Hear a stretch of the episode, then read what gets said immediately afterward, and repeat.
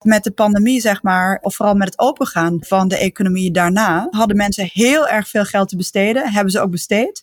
Daardoor zijn er heel veel ondernemers die extra vacatures hebben gesteld. Mensen die, die willen werken, die konden het gewoon niet bijbenen. NPO Radio 1. EO. Podcast. Geld of je leven? De vraag van vandaag. Met Sandra Flippen, Sander Heijnen en Hans van der Steeg. Ja, het, het, het, komt, het komt overal voor. Er gaat geen dag voorbij of we, of we praten erover. Ehm, hoe zit het eigenlijk bij jullie bij de, bij de bank, Sandra? Hebben jullie personeelstekorten? Ja, overal zijn personeelstekorten. En bepaalde, bepaalde, bepaalde delen van de bank? Of, uh... Ja, vooral, vooral mensen in uh, ja, data science vaardigheden, programmeervaardigheden. Nou, niet, dat zijn in ieder geval de personeelstekorten die ik ken. Ja, ja. Uh, waarschijnlijk zijn er nog veel meer personeelstekorten bij de bank. Gerald vraagt zich af, en ik vind het wel een hele goede vraag, Gerald van Dijk vraagt zich af, waarom hebben we nu in bijna al die sectoren opeens een personeelstekort? Het is niet opeens in ieder geval. Maar als we gewoon kijken naar wat de lange trends zijn, uh, de vergrijzing. Er gaan gewoon ongelooflijk veel mensen met pensioen. En we zijn heel lang bezig geweest om banen te creëren voor, uh, voor de babyboomers, hè, die vanaf de jaren 70 de arbeidsmarkt opkwamen. En die gaan er nu allemaal uit. En om een beetje een, uh, een indruk te geven, op dit moment is 20% van de bevolking 65 plus. in 2035 is dat 24%. En als je kijkt naar de verhouding werkende en niet werkende, omdat ze 65 plus zijn, dan is het nog schever. We hadden in 2010 nog vier werkenden voor iedere 65 plusser. Dat zijn er nu nog maar drie. En in 2050 hebben we nog maar twee werkenden per 65-plussers. En die 65-plussers die hebben allemaal zorg nodig. Die hebben allemaal mensen nodig die ook voor hen werken om uh, uh, allerlei dingen mogelijk te maken. Dus je ziet dat die hele verhouding in onze beroepsbevolking, die is eigenlijk helemaal uit het lood aan het slaan door iets wat op zich positief is. We worden namelijk ouder. Hè, dus dat, dat is op zich heel fijn. Dus uiteindelijk is dat de langjarige trend die maakt dat we eigenlijk al heel lang weten dat we rond deze tijd waarschijnlijk kraptes gingen krijgen op de arbeidsmarkt. Maar als dat zo is, dan heb ik, heb ik het gevoel dat die vergrijzing wel opeens heel hard is ja, gegaan. Maar dat, maar, dat, maar, dat, maar dat is natuurlijk ook zo, want, want uiteindelijk het grootste cohort hè, in, on, in de leeftijdsopbouw, dat gaat in cohort. Het grootste cohort is die babyboom generatie. En die gaan vanaf 2010 zijn die massaal met pensioen aan het gaan. De afgelopen tien jaar is er gewoon een hele grote groep mensen van de arbeidsmarkt verdwenen. Maar nu zei jij, Sandra kan wel wat zeggen over die COVID-steun. En dat is dat met de pandemie, zeg maar, uh, of vooral met het opengaan uh, van de economie daarna, um, hadden mensen heel erg veel geld te besteden. Hebben ze ook besteed. Daardoor zijn er heel veel ondernemers die extra vacatures hebben gesteld.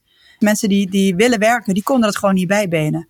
En uh, daar hebben we nu dus last van eigenlijk. Het is nu zo oververhit, die, die arbeidsmarkt, dat heel veel ja, plannen van ondernemers, maar ook van, van de overheid bijvoorbeeld de klimaattransitie, uh, die loopt gewoon vertraging op, omdat gewoon de handjes er niet zijn. Maar dan ga ik even iets heel onaardigs zeggen. Ja. Moeten er dan maar gewoon heel veel ondernemers failliet gaan? Niet zomaar. Het steunbeleid van de overheid tijdens corona heeft er wel voor gezorgd dat er uh, bijna geen enkel bedrijf meer failliet ging. En, uh, en dat is een ongezonde situatie. En dat is eigenlijk een hele gekke nieuwe realiteit waarin we terecht zijn gekomen. Want het lijkt wel alsof, er, alsof dat uh, onacceptabel is dat er ook bedrijven stoppen.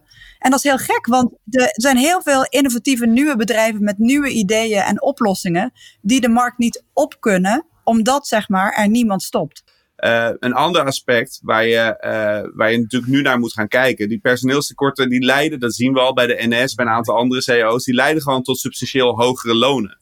En uiteindelijk kan het ook wel weer ertoe bijdragen dat het aantrekkelijker wordt om bepaalde taken te automatiseren. Dus dat er meer robotisering komt in een aantal sectoren waar nu laag betaald werk wordt gedaan. Toen ik bij de Volkskrant werkte, heb ik, denk ik een jaar of tien geleden, heb ik een serie gemaakt over robotisering. En dat was een soort angstbeeld, een soort spookbeeld van, oh jee, straks worden al onze banen uh, worden, uh, overgenomen door robots. En dan kunnen wij geen geld meer verdienen als mensen. Hoe moet dat? En nu hoor ik mezelf zeggen, hadden we maar wat meer robotisering gehad. Want uh, dan hadden we die personeelstekort op heel veel plekken misschien niet gehad. En zouden we wat meer kunnen kijken naar kwaliteit van, van leven. Dus en, en er komt trouwens nog één positief ander dingetje aan. En dat is dat uh, ook ja. uh, in, in, uh, in, on, in het kabinet, kabinetsbeleid. Daar staan plannen om um, de belast, in het belastingstelsel wat te gaan verschuiven. Ehm, dus dat, dat um, kapitaal en winst wat meer belast wordt en dat arbeid wat minder belast wordt. Dan houden mensen dus gewoon meer over van hun bruto loon. Dat kan ook helpen om, um, ja, om, om mensen te overtuigen om een paar uur meer te gaan werken. Houden ze nog meer over, die werkenden. Als je zorgt dat het meer werken wat aantrekkelijker wordt. we, we zien nu nog 1 tot 1,5 miljoen mensen die niet werken. Omdat het, niet omdat ze niet kunnen werken, maar omdat ze gewoon het, het niet per se nodig is. Of dat het niet aantrekkelijk genoeg is. Het is een van de twee, uh, uiteraard. En daar kan je inderdaad zeker wat aan doen. Als je gaat schuiven tussen die belastingen tussen arbeid en kapitaal. Nou, en dat is ook aan werkgevers. Hè? Die, die mogen ook wel iets minder kieskeurig zijn. En ook mensen met een, uh, met een handicap of mensen uh, ja, die, die ze vroeger misschien niet zo snel hadden aangenomen. Uh, die mogen ook wat meer water bij de wijn doen, vind ik. Oké, okay, dus als we Gerald zijn vraag even samenvatten, waarom hebben we opeens uh, in een bijna alle sectoren personeelstekort? Is het dus en vergrijzing, het is iets wat langer loopt, uh, de, de, de oververhitte economie. En er zit nog een heel aantal ja. mensen aan de kant die wel kunnen werken. Dus die zouden toch op een of andere manier bereikt moeten worden. Dankjewel weer, mensen. Goed, heb jij ook een vraag aan Sander of Sandra? Of aan allebei natuurlijk, dat kan ook. Uh, mail dan naar podcastradio1.eo.nl. Dit was hem voor vandaag. Morgen weer een nieuwe vraag. NPO Radio 1 EO Podcast.